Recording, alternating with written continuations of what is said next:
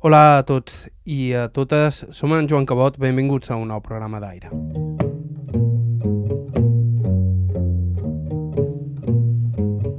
Aquest serà el nostre darrer programa repassant el que ha estat 2023 a Aire, un espai radiofònic que va començar amb una clara vocació de recollir testimonis orals vinculats a la tradició de les nostres illes, però que a poc a poc com han comentat aquestes darreres setmanes, s'ha acabat convertint en una mena de cofre d'històries de vida, tant provinents de gent anònima com d'algunes persones amb un perfil més públic.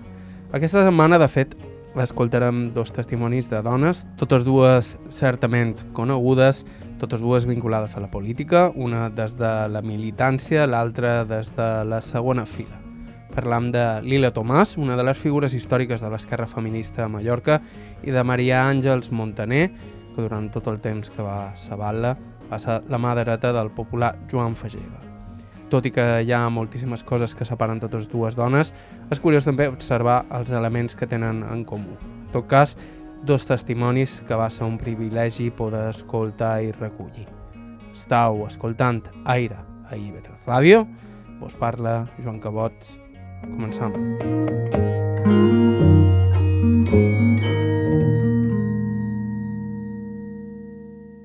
I començam amb Lila Tomàs, eh, qui vàrem entrevistar més recentment. Ella mateixa es presenta. Vaig néixer a Palma dia 20 de febrer de 1951, en el barri de Santa Creu, eh, del carrer del Vi, entre el carrer del Vi està entre el carrer de la Pau i el carrer de, de Drassanes. Mon pare era jutge, era magistrat de l'audiència i ma mare se va dedicar a fer de mestressa de casa perquè va tenir 11 fills. Jo som la número 9, de les més joves, de les petites i de... Bueno, sí, sí, van ser... Bueno, em va... ell en va tenir 12, va morir una germana que tenia 4, quan tenia 4 mesos, d'una malaltia que ara se cura moltíssim, que és aquesta malaltia que transmeten els cans, que se diu l'hemaniosis, i clar, ella tenia quatre mesos i no, no varen saber com curar-la, i... però jo no la vaig conèixer, va, de ses, va ser de ses grans. Varen néixer una família conservadora. Sí, de dretes i molt catòlica, sobretot molt catòlica, perquè teníem un, un germà de mon pare que era capellà, era músic, eh, no era capellà de, de parroqui, era músic, era organista de la seu, però tota la família era molt catòlica, els meus padrins, tothom era molt catòlic. Vaig tenir també una tia, una germana de mon pare que va ser monja, o sigui que sí, estaven, estaven revoltats de, de catolicisme. Mon pare era una persona conservadora, de dretes, Eh, molt, molt dedicat a la seva professió. Era un, un home que anava de matins a l'audiència, hora baixes, preparar sentències. Era una persona que després era un gran conversador. Era una persona que quan teníem visites o quan venien familiars sempre parlava molt, contava moltes coses i tal. Ma mare era una persona també conservadora, però sobretot era una persona molt batalladora. Va tenir, va haver de criar 12 fills o 11 fills i filles i, i, bueno, i era d'aquelles persones que era eh, com molt estricta en l'educació, però també generosa en el sentit de que sempre estava eh, per qualsevol cosa que la necessitava, sempre estava allà. Com era estar dins una casa amb 11 nins? Bueno, pensa que la major eh, clar, eren 20 anys d'embaràs de, de, de ma mare, no? Perquè ma mare se va tenir la primera, que devia tenir 26... Se va casar als 26 anys, per tant, la primera la degué tenir els 27-28 i la petita en els 46. Per tant, era, eh, era viure, bueno, compartir molt, compartir sobretot eh, els jocs i després que les majors se'n cuidassin dels petits, de manera que les germanes grans eh, eren les que estaven més atentes de les germanes més joves, més petites, i després, a poc a poc, després se'n van anar casant i van anar abandonant la casa. Clar, era, era una altra manera. Jo, jo reconec que sempre eh, estic agraïda en el sentit de que ens va ensenyar molt a, a compartir, no? Que, és que hi havia coses que no ens agradaven, per exemple, jo el primer sou que vaig guanyar tenia de 7 anys i el primer que vaig fer va ser anar a comprar un vestit per estrenar, no? perquè sempre tenia vestits, comprar a una botiga, eh? perquè estrenàvem, però sempre estrenàvem eh, vestits que, que els arreglaven de ses majors o o roba que ma mare comprava més barata i que la feia una costurera, m'entens? O sigui, eh, es comprar un vestit nou o una botiga va ser la primera, la primera cosa que vaig trobar que era un, un gran avanç, no? Ara, per altra banda, també es, es compartir els jocs i es compartir les preocupacions, també tot això no ho té un, un, un fi únic, no? I sobretot des de molt petites, des de molt infants, mm, la lectura va ser un, un entreteniment que vàrem adquirir tots tots els germans i això també va ser important, no? Segons època jo recordo sobretot els, els llibres de, de, de Nanny Blyton i de 11, 12, quan teníem 12, 13 anys, tot això, no? Totes les aventures de los cinco, totes aquestes coses que eren, eren les lectures de, de nit i després les rondalles també, no? Les rondalles mallorquines que els teníem completes. Jo recordo les rondalles perquè els eh, escoltàvem per Ràdio Popular, que els eh, llegia don Francesc de Borjamont i després els teníem a casa, els teníem un pare i també anàvem llegint eh, les rondalles directament. No? Era una època que bueno, nosaltres jugàvem molt a, a sa, dins la casa, no, no, no jugàvem en el carrer, perquè per la part de Santa Creu hi havia un barri que li deien Espuig, que era la part més a prop eh, en el baluart actual, no? i allò era, se considerava que eren els, els, lots, els nins pobres, els nins que, i no, no, no jugàvem en el carrer nosaltres, nosaltres jugàvem dins la casa, nosaltres teníem, vivíem en Santa Creu, a davant de Santa Creu, però després la meva senyora àvia, per exemple, vivia a la, a la plaça després de la Paia, i per tant, eh, se notava molt la diferència entre viure a prop de Born no viure a prop de Sant Eulari, Cort i tot això, no? Eren dues, dues situacions diferents. I és cert que va ser una època, ja recordo la meva adolescència i la meva infància, molt marcada per allò que dèiem de, del franquisme i de, de lo que significava espès de l'Iglesi, no? Eh, eh, havíem d'anar a totes les celebracions religioses, la Setmana Santa no podies cantar el, dia, el dijous sant i el divendres sant dins la casa perquè, perquè era, era divendres sant i no se cantava, coses d'aquestes, no? Anar a les processons, mon pare mos duia a les processons de, del dijous sant i havíem de saber, i, i mos divertíem sabent el nom de les cofreries, ben qui tenia més confits, no? Era una, era una infància i una adolescència molt marcada per eh, la repressió i, i pel pes de l'Iglesi dins la societat, no? I va ser a partir dels 16 o 17 anys quan varen començar a aixecar el cap i jo, per exemple, el primer dia que no vaig anar a missa en diumenge va ser com per mi com una passa, com un gran heroïcitat i quan vaig arribar a casa meva, ma mare tot d'una ho va detectar. Mai va saber, vaig saber com, però ho va detectar i ja me va demanar quin color era la casulla, perquè no hi havia anat, etc etc. no?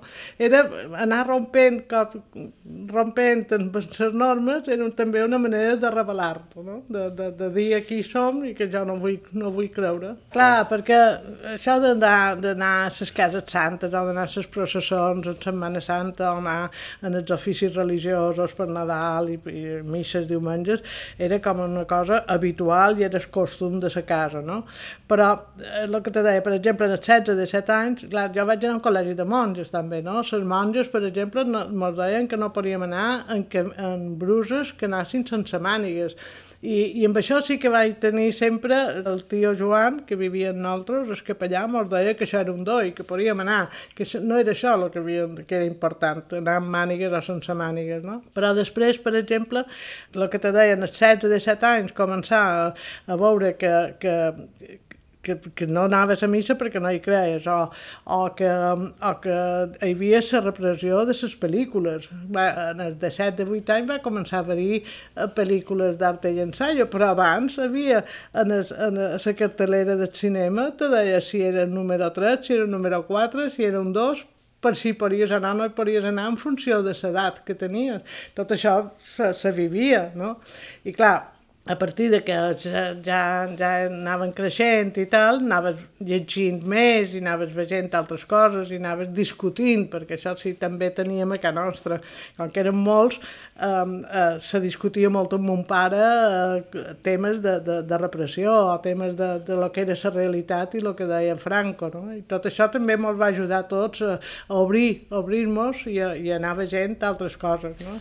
I, I ho comentava ton pare, aquestes coses? Sí, mon pare sobretot era, era, ell també veia les diferències, no? I de cada vegada, jo recordo, per exemple, que a casa nostra teníem el Quadernos per al Diàlogo, era una revista que dins la censura, així tot, eh, era, era progressista, no? I, i escrivien autors importants, i això mon pare també va anar evolucionant, no? I va anar canviant, i anava veient també les barbaritats de, de, de, de lo que continuava sent el franquisme, no? I, I amb això sí que ho debatíem molt a casa, no? Per exemple, un germà meu va anar a estudiar a Barcelona, i se va trobar en manifestacions, i, i clar, tot això després ho contava, tot això després ho, ho debatíem, fins a quin punt eh, no, no podia ser que tots els estudiants fossin dolents, saps? Coses així que, que, que, se sorti, que sortia a l'hora del dinar o que sortia les converses. Discutíem, però, però ell mantenia la seva postura i sobretot sempre me recordava el que havia costat arribar a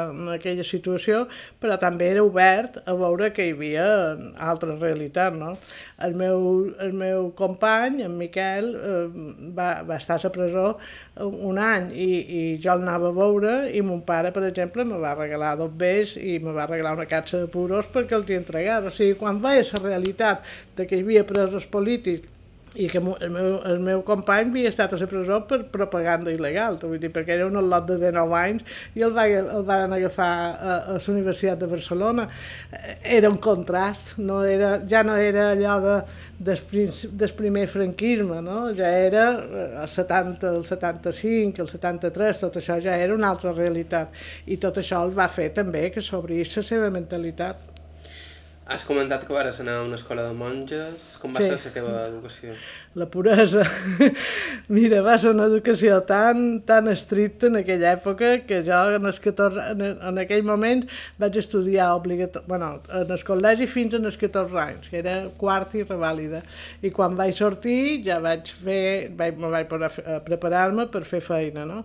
I, I la veritat és que de llavors, bueno, des de eh, sempre he tingut una actitud molt anticlerical i molt antimonges. Jo no...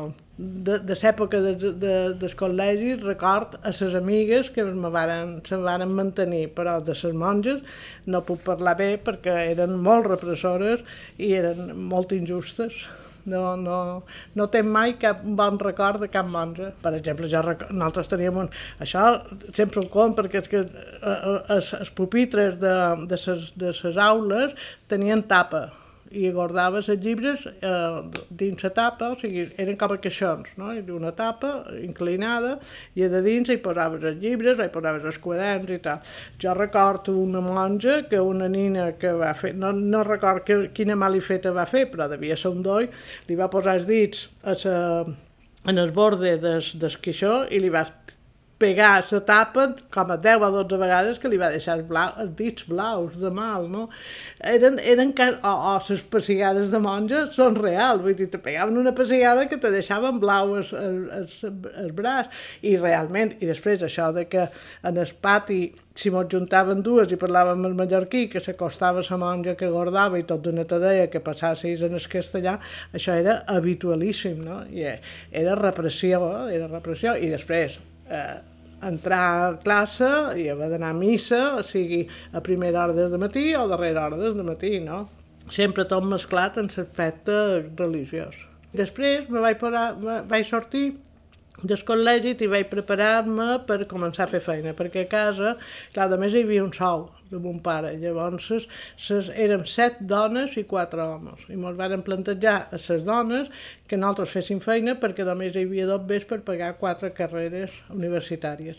Aleshores, eh, tot d'una que acabàvem el col·legi, ens posàvem a fer feina. Ja me vaig preparar en aquella època mecanografia i, i vaig anar un any o dos d'anglès i vaig entrar a fer feina d'auxiliar administratiu quan tenia 19 anys vaig decidir que jo volia continuar estudiant i llavors fent feines de matí anava en el nocturn i vaig fer cinquè i sisè i la revàlida en el, en el Joan Alcobé nocturn i va ser el primer any després que vaig estudiar COU i ja vaig passar a la universitat i tot això fent feines de matins de, de 8 a 3 o una cosa així, i després hora baixa anant a Joan Alcobé i després a la universitat. I a la universitat que vas estudiar? Vaig estudiar, precisament ara enguany ha fet un aniversari, van començar el curs 73 l'any 73 i vaig estudiar filologia hispànica, que en aquell moment hi va haver se deia subespecialitat de llengua i literatura catalana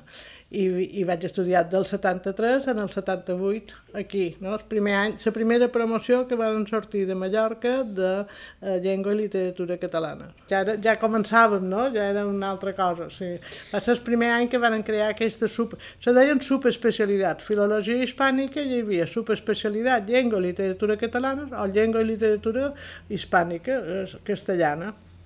I, i d'aquesta part, només varen ser els sis primers, varen, ser, els que varen tenir la sort de que acabàrem el juliol del 78 i a l'octubre del 70, el novembre del 78 ja varen tenir feina de professors de català que en aquell primer any va ser voluntari, o sigui que anàvem a BUP, eh, eh, ja vaig començar a l'Institut d'Inca i els alumnes eren classes voluntàries i ens varen donar, bueno, després del 79 ja va sortir el decret que era obligatori, no? Però sí, va ser, va ser també una, un, un obrir camins en aquell moment. Fixa't, érem dos professors de català en tot l'Institut Berenguer de Noia, érem en Joan Melià i jo mateixa, i teníem un, teníem un, un, un horari de, normal de, de professorat. Teníem, eren, eren voluntaris i, i, i clar, se va promocionar de manera que van tenir grups d'alumnes com a per tenir feina tot, tot l'any, sí, sí. Quan te vas començar a significar políticament? Perquè, sí. clar, dius que hi va un dia que no vas anar a missa. A missa. Sí. Aquí ja, ja, ja hi havia com... Sí, ja com hi havia una... com, una, com una rebel·lia, com mm. una... Sí. No, jo vaig començar a militar, diríem, a, a fer accions clandestines a partir de, de, de 9-20 anys, perquè um, un germà meu ja s'havia anat ficant també en, en temes de, de, d'accions clandestines i mos va anar eh, Varen començar fent allò que deien seminaris i eren com a reunions de poques persones, cinc o sis persones, que ara, ara se diu un club de lectura, però en aquell moment deien seminaris, no? I llegíem un llibre i fèiem debat damunt aquell llibre i, per exemple, se va llegir, la, fixa't tu, la història del segle XIX d'Antonyon de Lara, per començar a entendre el que havia estat l'Espanya anterior en Franco, no? Després, eh, manuals de marxisme, no? i, i amb aquestes reunions eh, anaven introduint, clar, anaven introduint en les idees marxistes. I, i a la vegada que fèiem aquest tipus de seminaris, que eren, ja t'he dit, reduïts, eren sis o set persones i un cert por, perquè no podies dir on anaves i tot això, després a poc a poc ens van anar plantejant si volien col·laborar i llavors qualque dia te feien, ens demanaven per sortir a tirar octavetes o un altre dia per fer una pintada.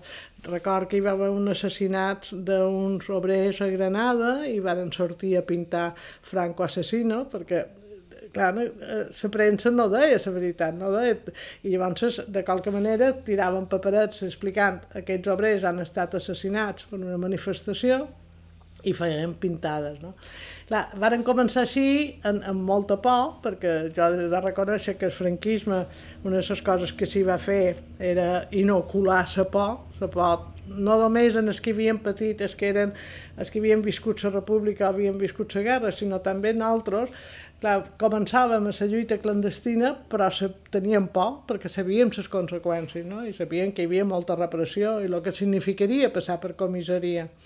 I varen, vaig començar més o menys això en el 71, l'any 71, o sigui, jo tenia 20 anys, i l'any 1972 eh, va ser quan ja mm, me van proposar si volia entrar en el Partit Comunista i ja vaig entrar tot això, clar, clandestinament, no? I llavors, en aquell moment, jo ja varen, vaig començar a fer feina clandestina eh, en, en els nuclis d'estudiants. Quan que estudiava nocturn, van començar eh, que clar, era una manera de, de lluitar que ara molta gent jove no pot entendre, però era, per exemple, eh, crear comitès de curs a la universitat. Això ja era una acció important, no? perquè era que els comitès de curs eren d'estudiants normals i corrents, no, no, no, havien de ser, no havien de ser de cap significació política, però eren els qui, els qui reun, se reunien i deien si aquell professor era dolent i el volíem protestaven per, per aquell professor o si volíem uns horaris diferents o per, i sempre les assemblees generals de tots els estudiants després anaven derivant, demanant eh,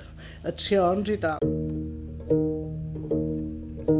La vida de Lila Tomàs està lligada des dels primers anys de lluita al que ha estat la resta de la seva vida la seva parella, el també polític Miquel Rosselló.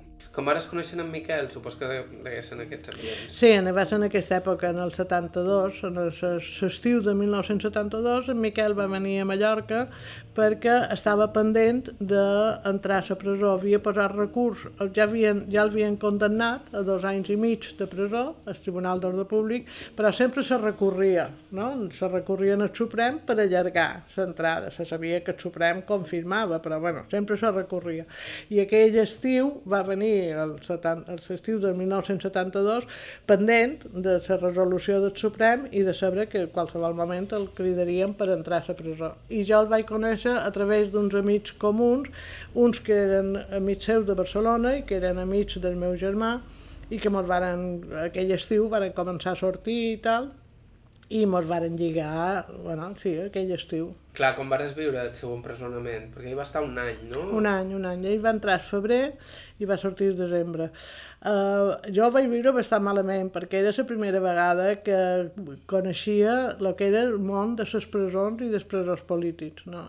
Aquí dins del Partit Comunista hi havia lots que havien anat a la presó, hi havia companys que havien contaven la seva, el seu pas per la presó, però era una cosa llunyana. Jo recordo sempre, per exemple, en Antoni Vic d'Esporles, que va estar moltíssims anys a Burgos i sempre mos contava experiències de Burgos i deia que era la Universitat dels Obrers, perquè allà havia après moltíssim, havia llegit moltíssim, i que per ell era, era bueno, m'ho recontava amb orgull haver estat allà. I era una cosa com a llunyana, no? com una cosa... De...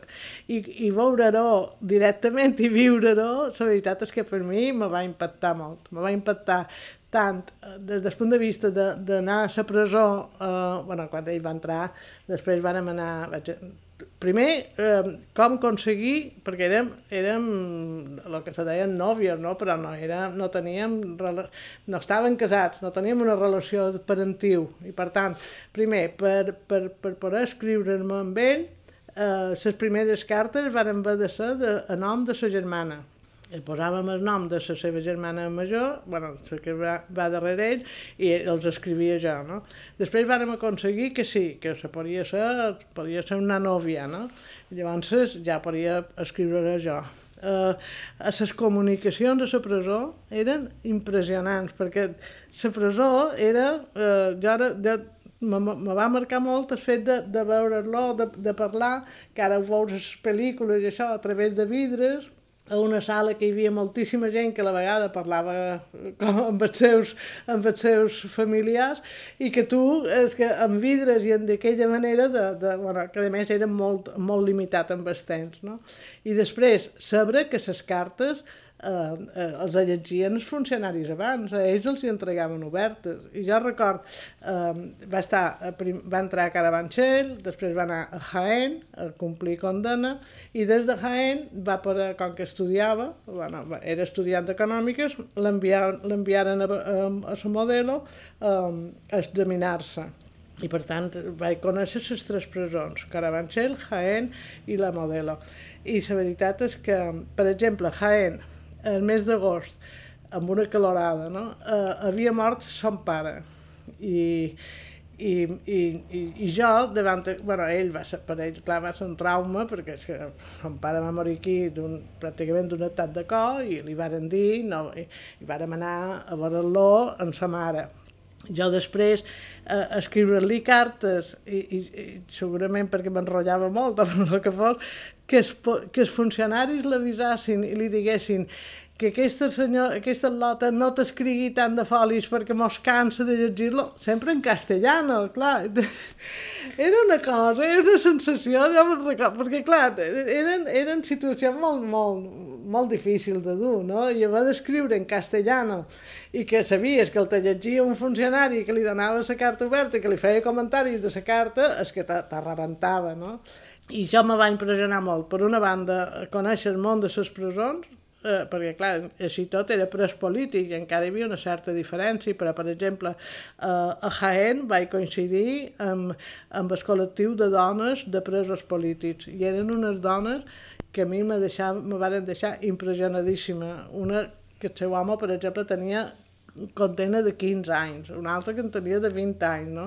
L'ànim que, en què ho vivien, la lluita que duien, com s'ajudaven entre elles, com te donaven ànim a tu, que jo era una jove de, 20, de 23 anys, que, que veia una senyora de 40 que me, me donava lliçons i me deia que res, que esto va pa'lante, no sé, saps? Allò, aquests ànims que te donen entre elles, que a mi me deixaven impressionadíssima.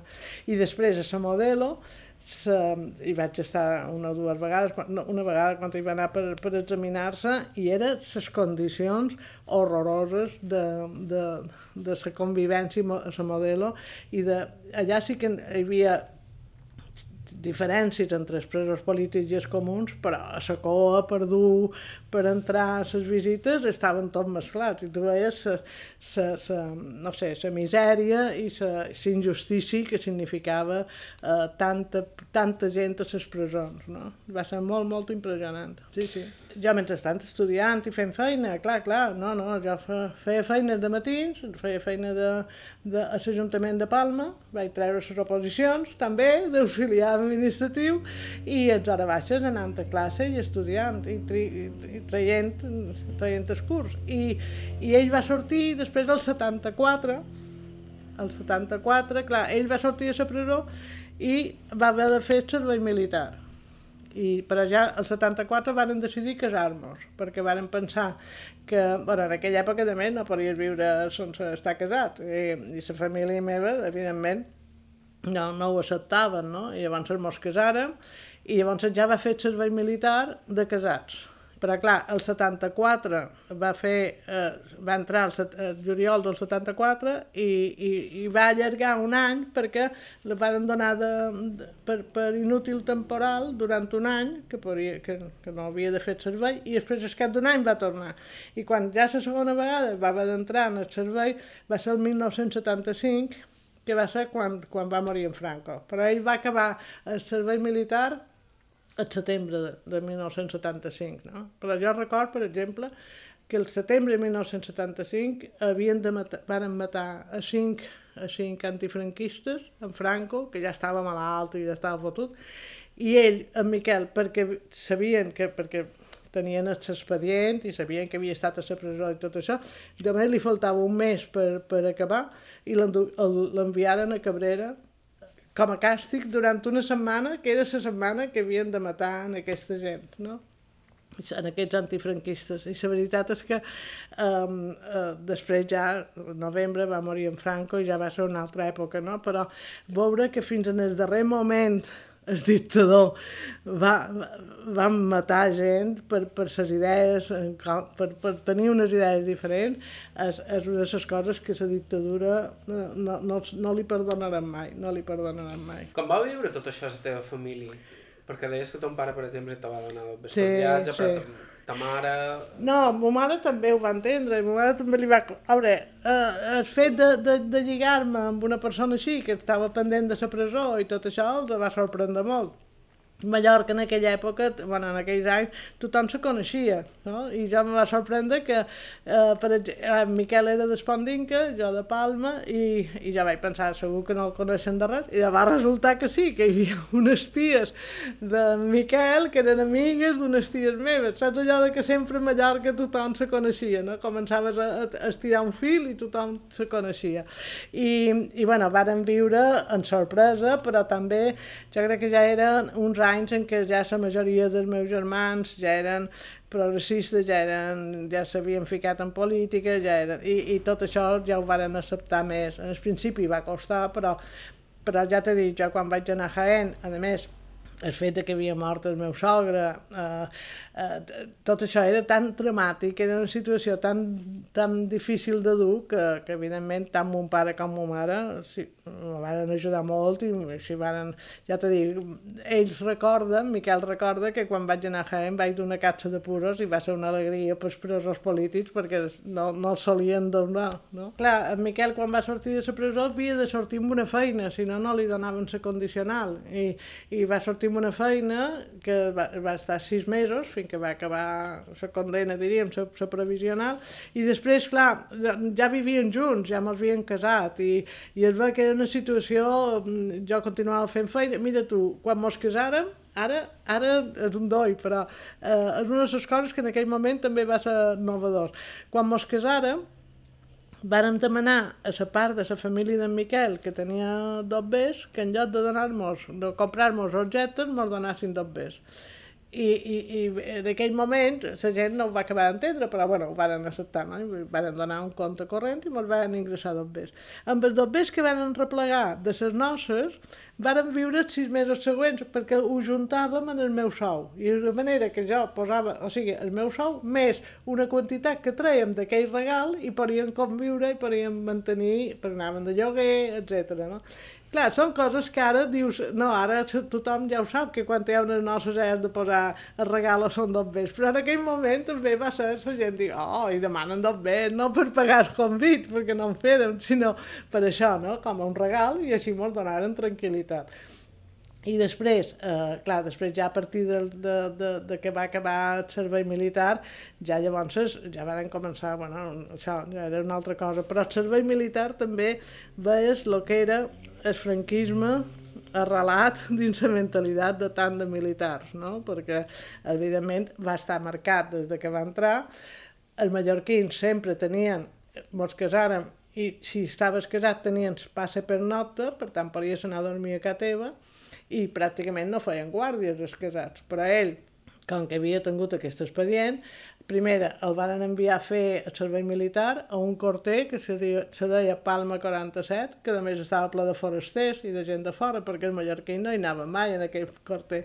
Era un corter molt dur i tal, no? I després això, moltes maniobres, i després enviar-lo darrer mes, enviar-lo com, a, com a prevenció, eh, no se sap què, a, a Cabrera, era, era absurd, no? Eren, eren, era com a actituds absurdes que, que en aquell moment només ells també anaven a, a, a seu quadriculat. No? Com vareu viure la mort d'en Franco i i la veritat la és possibilitat que... de passar de la clandestinitat a la... Sí, la mort d'en Franco amb una alegria grossa, perquè a més jo recordo que va ser una malaltia llarguíssima, que la varen allargar molt per, perquè estaven allà eh, els franquistes que no volien que se morís, i va ser una alegria quan, va, quan la fi va morir, amb una certa eh, frustració de que finalment va morir de vell i va morir en el llit. La transició va ser uns anys molt apassionants, molt, molt interessants i també amb molta, amb molta vitalitat, diríem, de, de lo que, de, amb, moltes, amb moltes perspectives, no? Mos, esperàvem més, mos esperàvem molt, esperàvem que la democràcia seria, bona, seria la solució de molts de problemes, no? I a poc a poc vàrem anar veient que, que, que, bueno, que en tot això pues, hi ha avanços i retrocessos i, i no ens acabaven de satisfer tot, però sobretot el gran objectiu era legalitzar els partits, no? legalitzar els partits, que sortissin els presos polítics de les presons i que tornassin els exiliats. I, i la veritat és que jo recordo amb molt més alegria el dia de la legalització del partit, l'any 77, que, que va ser una explosió d'alegria i una explosió de, de democràcia que varen viure tots, més que no el dia de la mort d'en Franco, que varen, varen celebrar amb una paella, amb uns amics i tal, però jo, la legalització, legalització del partit va ser com una com un reconeixement a la fi que sí, que, que som legals, que podem anar pel carrer i que, i que no mos, que no mos tancaran a la presó. No? Era l'activista, professora i política Lila Tomàs, el primer dels dos testimonis que escoltarem avui en aquest darrer programa especial en què repassam alguns dels millors moments de 2023. En uns segons, Maria Àngels Montaner. Això és Aire a IBT Ràdio. Fem una breu pausa i continuem.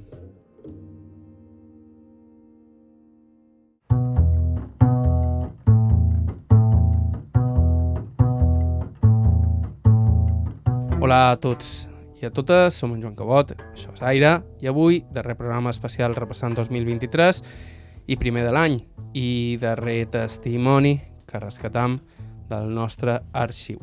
Un arxiu que vos recordem podeu trobar i recuperar sempre en format podcast a qualsevol dels agregadors disponibles i a ib3.org barra carta. Aquesta que escoltareu a continuació és Maria Àngels Montaner, coneguda per haver estat durant anys la mà dreta del batlle Joan Fageda. El nom complet del nostre testimoni és... María de los Ángeles, Montaner, Cerda. Nací en Palma, muy cerquita de aquí, en la calle La Paz, en esta callecita de aquel lado, en el número 10, el año 1943. Imagínate. ¿A qué se dedicaban estos padres? Mi padre fue un hombre extraordinario, muy inteligente, que estudió el bachiller en Palma, en La Salle, y acabando en el instituto para los exámenes de grado, cuando en el año 1914-15 no estudiaba mucho ciertas clases sociales, en Palma eh, se notaban mucho las clases sociales. Entonces, los niños o los hijos de gente trabajadora, de oficios, pues a los 14 años oficio y los que no eran de oficios, tal, pues entonces una cultura, las niñas en casa, unas maestras, una música, una según el nivel, según otro nivel a coser y a bordar y en casa. Y los niños pues a estudiar un poquito más alguna cosa, un oficio, pero poca cosa más. Y después les sabía que sí, que mandaban los hijos a estudiar fuera. Mi padre era muy estudioso y además mi padre veía que, iba a haber un cambio social grande y económico. Eso de una familia que viva de rentas toda la vida. Puede vivir una generación, pero dos generaciones o tres. Si no es una empresa que produce, no se vive de rentas. Entonces él estudió muy bien el bachiller y todo, y su profesor, que, que uno que lo, le encantaba como lo hacía él, que era don Gabriel Alomar, el que fue alcalde y el que tiene la avenida de Gabriel Alomar, le decía, tú has de ir a hacer filosofía, dentro de la filosofía y letras y tal. Y se quiso ir a Barcelona con otro primo suyo, que era Ignacio Rivas, el padre de Ignacio Rivas, que ha sido político, que es pariente mío, a irse a Barcelona a estudiar. Y cuando acabó y le dijo a su madre, porque era muy matriarcado la casa, le dijo a mi madre, yo me voy a Barcelona, a venir así a Barcelona? I què has de fer a Barcelona? No, no, no, no. Tu aquí estudia el que vulguis, fer el que vulguis, però a Barcelona no tens res que fer. Estudiar, estudiar una carrera, això, això, això. Això és com, no sé, va trobar que no era lo adequado. Amb això, mon pare va dir, bueno, faré algo aquí. Va mirar què podia fer y lo que se podía hacer en Palma no era mucha cosa, pero había. Y se matriculó en profesor mercantil profesorado mercantil, lo hizo, perfecto, mientras estudiaba idiomas a tope, hablaba cinco idiomas a tope, y a los 19 años era profesor mercantil. Entonces, como era joven, para, había una cosa, un hobby que le gustaba mucho, que se estaba empezando, que era la radio. Ay, ¿cómo puedo, cómo puedo aprender radio y telegrafía? Ay, miró cómo, la escuela de náutica y para aprender esto, ¿qué tengo que hacer? ¿Me tengo que hacer marino mercante? Pues me haré marino mercante. Se hizo marino mercante. Lo cuento muy abreviado, aunque te parezca largo porque es muy importante la historia esta. Eh, se hizo marino mercante. Cuando se hizo marino mercante, acaban los tres años de la carrera, tengo unas fotos, presión de primera comunión, se ha de ir nueve meses embarcado para tener el título. I su mare, que embarcat en un barco i te n'has d'anar nou més, però què fa? Que no, tu no te n'has d'anar això i tal. Qual. I ell diu, mamareta, jo t'estim molt, però ja que ho he fet, vull tenir títol, perquè jo no sé la meva vida, què serà? I no, no, jo, no has après la telegrafia, tot això. Salió oficial primera telegrafista. I diu, sí, però jo vull els papers com vendre, no? Per lo que pugui passar.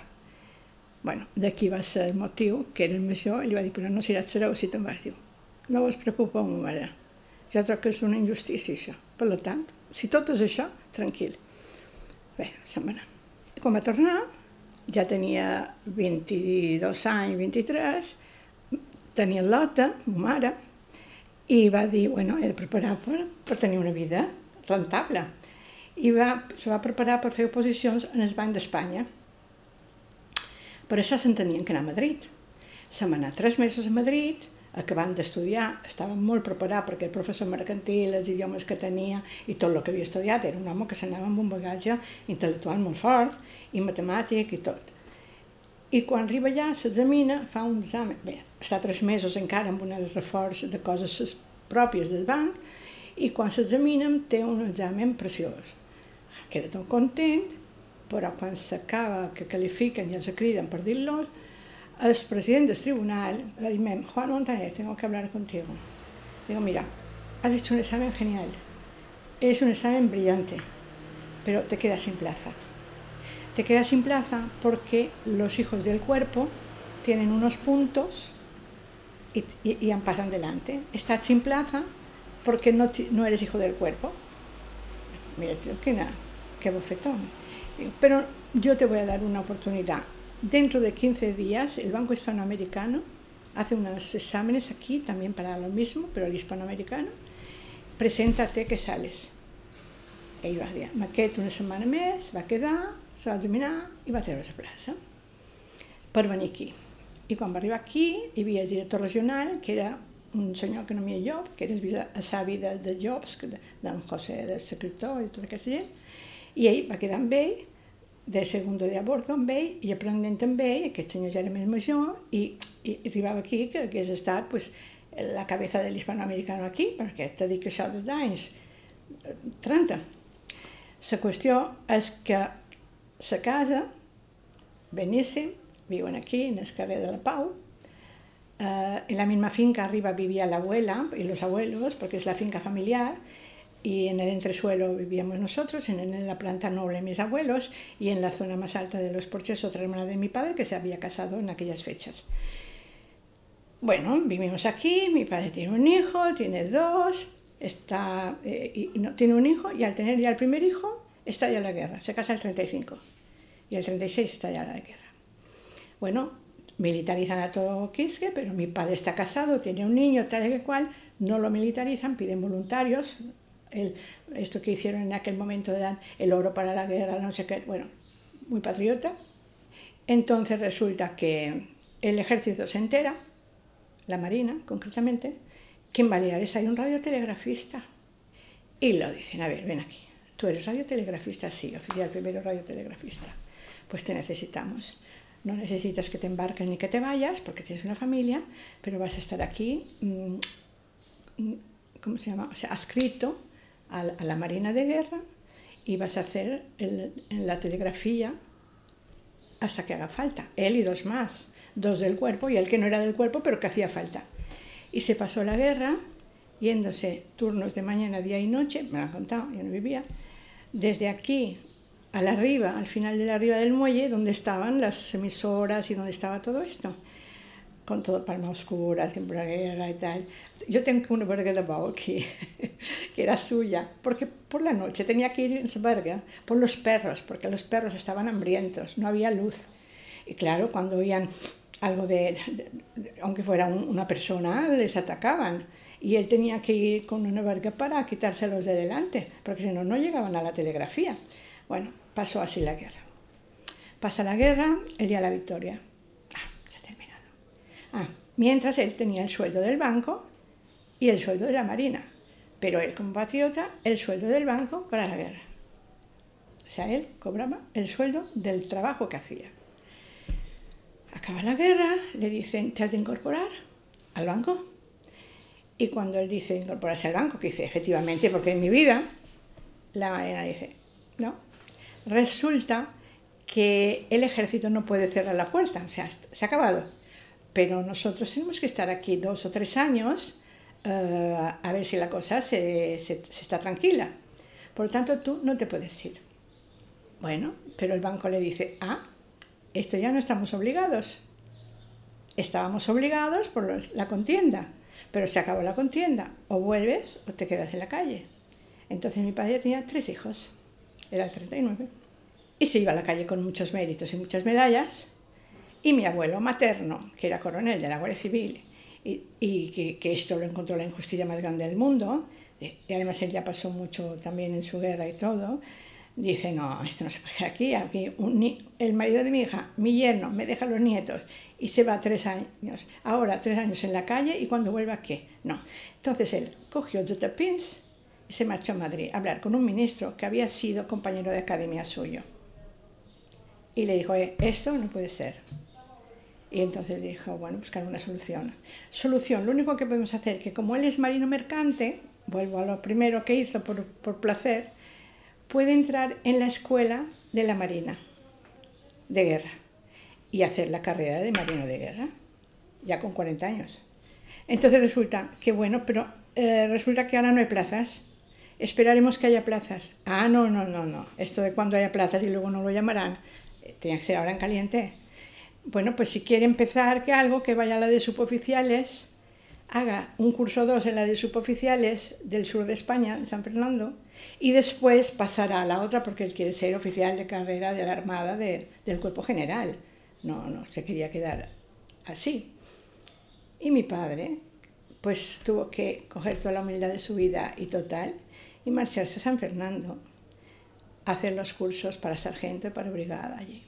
Y cuando acabó el de brigada, porque mira, cuando hubiera plaza, ya hubo plaza en, en Marín, en el norte, y pasó a la escuela de la Armada de Marín Hizo la carrera de marino de guerra con 42, 43 y 44 años, con chicos de 20, 21, 22. Mi padre lo que pasó teniendo que luchar a esta edad con esta gente, porque la diferencia los ejercicios son duros. Yo recuerdo a mi padre cada noche escribía a mi madre. Mi madre nos leía las cartas, a mí me las han leído luego, porque yo era muy pequeña. Pero que decía, bueno, hoy no he sabido si volvería a vivir, porque claro, te imaginas un casco de un barco que hacen así, ya que hay una red anda, a bajar a los botes. Y has de bajar por una red, que es una cortina que va y viene, con un barco que se mueve, que no sabes si te caerás dentro o fuera. Y después de una maniobra vuelve a subir por la red, para uno que es de tierra adentro. Era muy això, que era muy perillós, pero pensaba, tengo una mujer y cuatro hijos, y al año siguiente tengo una mujer y, bueno, y cinco hijos no, porque si los tenía, los fue teniendo con un año y medio de intervalo dos. O sea que mira tú por donde mi padre acabó de marino de guerra oficial de la Marina de la, Armada, que iba ascendiendo como correspondía todo, fue ayudante militar de, de aquí Ciudad de, Ciudadela cinco años, pero estuvo un rato embarcado un tiempo y luego aquí estuvo de jefe de los almacenes generales como cabeza de todo. En fin, luego él daba clases en la escuela naval de, de, todo lo que sabía, de, telegrafía, ¿sabes? Y de idiomas y de contabilidad y tal, para las flechas navales. O sea que siempre estaba ocupadísimo porque tenía que llevar la comida a casa para 12. Pero yo este ejercicio que cuando en verano nosotros vivíamos en aquel tiempo, ya nos habíamos cambiado de aquí, porque esta casa estaba muy bien, pero era el entresuelo con un patinillo, un jardín dos veces tres este, pero húmedo tal. Y hubo la posibilidad de ir a unas viviendas de la Marina. Y mamá dijo, si podíamos ir a una de estas que están soleadas, que hay sol y tal. Y mi padre la pidió. Y le dijeron, en la de oficiales, que es la que había en Matías Montero y Borjamoy, resulta que ya no hay plazas, pero mientras acabamos una finca en Paseo Mallorca hay un piso muy grande, te lo adjudicamos provisionalmente porque es para suboficiales. Si a ti no te importa, ¿qué nos va a importar? Encantados de la vida, gente encantadora. Nos fuimos a vivir al Paseo Mallorca a seis años, hasta que hubo plaza vacante en Matías Montero. Y a los seis años, cuando hubo vacante en Matías Montero, nos cambiamos a Matías Montero. Y como tenía muchos hijos, que hemos sido nueve, pues resulta que él estudia, sabía idiomas desde jovencito y en la Marina dijeron, por cada idioma que domines tienes un complemento, pero te has de ir a Madrid a examinar cada año. Pues cada año a Madrid. Y se examinaba de francés, de inglés y alemán. Y venía con el aprobado y el complemento continuaba, porque cada año te lo quitaban. Esto ocurrió que cuando ya fui más mayor, aquí le nombraron el oficial de enlace con los americanos. Tú sabes que el año, los años 70 estaba lleno de barcos americanos aquí, transatlánticos, portaaviones, o sea, había de todo. Y entonces necesitaban alguien que tradujera, porque si ahora no hablan inglés ya medias entonces. Y entonces él, vestido de marino, tenemos todos almirantes de todos, y a alguno le llamaba la atención que fuera, por ejemplo, teniente de navío ya, pero que ya le veían que tenía casi 50 años, y le veían qué ha pasado aquí, porque generalmente tienen 30, ¿sabes? Y entonces él era el oficial de enlace. Y también fue una época que le gustó mucho, porque claro, fue muy interesante tratarse con, porque estaba con las autoridades civiles, militares españolas y americanas encima de los buques, en todo lo que estaba, porque era el oficial de enlace con los dos ejércitos. Y eso también fue muy interesante, o sea, tuvo una vida muy interesante y muy, muy bien. Luego se, se jubiló pronto porque en la Marina a los 62 años se jubilan, pero se dedicó a hacer otras cosas y traducir cartas y escribir la correspondencia en inglés a empresarios de aquí, de nombre, pero que no sabían. Y le decían, Joan, ¿no podías escribir esas cartas? Claro, le escribía una, pero si le tenía que escribir 10 cada día, entonces ya tenía, haremos un poquito de, de, contrato, no de acuerdo, no un contrato, pero lo hacía, ¿no? Eres Joan Montaner, de nom. Juan Montaner Massanet. ¿Y dónde provenía esa familia de tu madre? La familia de mi madre también era de aquí. Mi padre procede de una familia, aquí le llaman butifarras. O sea, un cierto nivel, terratenientes, tal. Los terratenientes que aún hoy les hay, que, que, tienen dinero y tierras, pero hay quien solo tiene tierras, no tiene liquidez y lo pasan eh, porque de tierra no se come. Y la familia de mi madre eran burgueses. Uno de mis bisabuelos vino de Santa Coloma de, de Gramané en el año 1880 y pico, 90, para traer aquí los textiles de las industrias de, de, la fábrica familiar, que este señor fabricante catalán cogió un hijo, lo mandó para el sur, al otro lo mandó para aquí, para expandir su, sus, sus, telas. Y entonces él vino a Mallorca y para expandir sus telas. Era un señor currísimo, tenemos los cuadros, una monada, y expandir las telas y luego más. Pero resultó que vendiendo las telas a los, a los, a los profesionales y a las tiendas, etc., conoció a la que fue su mujer. Y el amor le hizo quedarse aquí. Bastante más joven que él, se casaron, tuvieron cuatro hijas y un hijo, y vivían en el Borne, en una casa que aún está allí. ¿Qué pasó? Que de esta familia hubo mujeres muy guapas, por cierto, que una de ellas, que hablo ya de mi abuela, se casó con mi abuelo, que procedía de otra familia burguesa, que era un señor comerciante que hacía, hacía las Américas. Tenía un barco, él era el armador, se llamaba El Pensativo, el barco, muy bonito, tenemos un cuadro, y hacía las Américas, por eso tenemos cosas procedentes de América a veces porque traía para la abuela. Y entonces vivían en la Plaza de Cort, esto delante del ayuntamiento. Y esta gente hacía las Américas y vivía, pero en una clase burguesa. Y esta gente, tanto los abuelos de mi madre, paternos, como los maternos, no eran terratenientes, pero tenían liquidez. ¿eh? O sea que vivían muy bien. Y sus hijos, los, mi abuelo fue militar, luego de la Guardia Civil, la Academia de la Guardia Civil, aunque empezaban con el ejército y luego escogían cuerpo. Y él se fue a la Guardia Civil porque el duque de Ahumada acababa de, inaugurar y de empezar el cuerpo con más especialidad. Entonces eh, se fue a la academia, otro hermano estudió lo que hoy sería económicas, empresariales y tal, llegó a ser interventor de Sanosa, con uno de, los fundadores, no como capitalista, sino como técnico. El otro siguió la, la, la cosa de su padre, pero ya sin barco. Tenían aquí almacenes mayoristas que traían cosas, se llevaban cosas, etcétera, etcétera. El último almacén aún está el edificio. En la calle San Miguel, esquina Cecilio Metelo, hay una pensión que se llama Pensión Diana o algo así, que es bajita, solo tiene un piso. Está Cecilio Metelo, San Miguel. Pues aquellos eran los almacenes de ellos. Por lo tanto, ya te he situado dónde procedía mi madre, dónde procedía mi padre. En casa de mi padre la educación era los chicos si querían estudiar, porque algunos no quisieron y, y otros como mi padre estudió y siguió estudiando, estudiando, con trabas, familiares, pero siguió. Y las mujeres, pues música, pintura, en casa, una cultura general y tal. En casa de mi madre, como que mi abuelo era militar, como te he dicho, y tenía que ir de un destino a otro cada vez que ascendía, pues eh, tomaron la decisión de dos cosas. Una, que hablaban castellano, porque por la península estaban hablando castellano, y mallorquín, pero en castellano también en casa. Y la otra, que las niñas no iban a ir a un colegio, ahora uno y a otro y tal sino que tenía un, cuadro de profesoras de distintas materias en casa todas las mañanas. Tenía cuatro hijas y les daban, según la edad, las clases a ellas. Fueron unas niñas muy cultas, sin títulos, ni bachiller ni nada, pero muy cultas, ¿no? Y toda la vida hizo esto hasta que tuvieron 16 años o lo que sean. Entonces mi madre, venían aquí los veranos y estaban en casa los abuelos en la plaza de Cor. Conoció a mi padre y a hermanos de mi padre y a la gente de aquí porque eran familias que se conocían.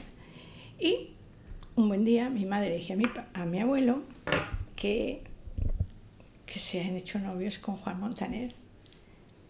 Y mi padre dijo, un momento, espera un momento, que yo soy muy amigo de su padre, de Juan Montaner Bert, que era mi abuelo paterno. Y yo no quiero tener un problema familiar. Y como ahora empezáis, espérate, en suspenso. Yo voy a ver a, al padre de Juan Montaner. Y mi abuelo se fue a ver al padre Juan Montaner y le dijo, Joan, per mi un problema. Eh, I quin problema tenim? Pues que un fill meu i una filla teva s'han enamorat i se volen casar. Diu, i de, a la gràcia de Déu. O sea que no hubo ningún problema. Pero mira el detalle de decir, no, yo no quiero tener un problema posterior y que ya empecemos con un problema familiar.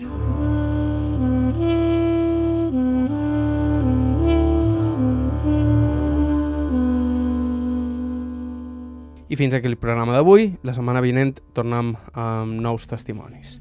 Vos recordam que sempre estem cercant gent interessant, així que si teniu alguna proposta o suggeriment ens podeu escriure a aire.ivetresradio.com. Podeu accedir a tot el nostre arxiu i vos podeu subscriure al nostre podcast a qualsevol dels agregadors disponibles a ib3.org barra carta. La música que feim servir habitualment és de Joshua Abrams, Natural Information Society, Siron, Marisa Anderson amb Jim White, Orena Ambarchi, amb Johan Berthling i Andreas Berlin i Charles Rumbach. Bàrbara Ferrer, la producció executiva, vos ha parlat. Joan Cabot, gràcies per ser a l'altre costat i fins la setmana que ve.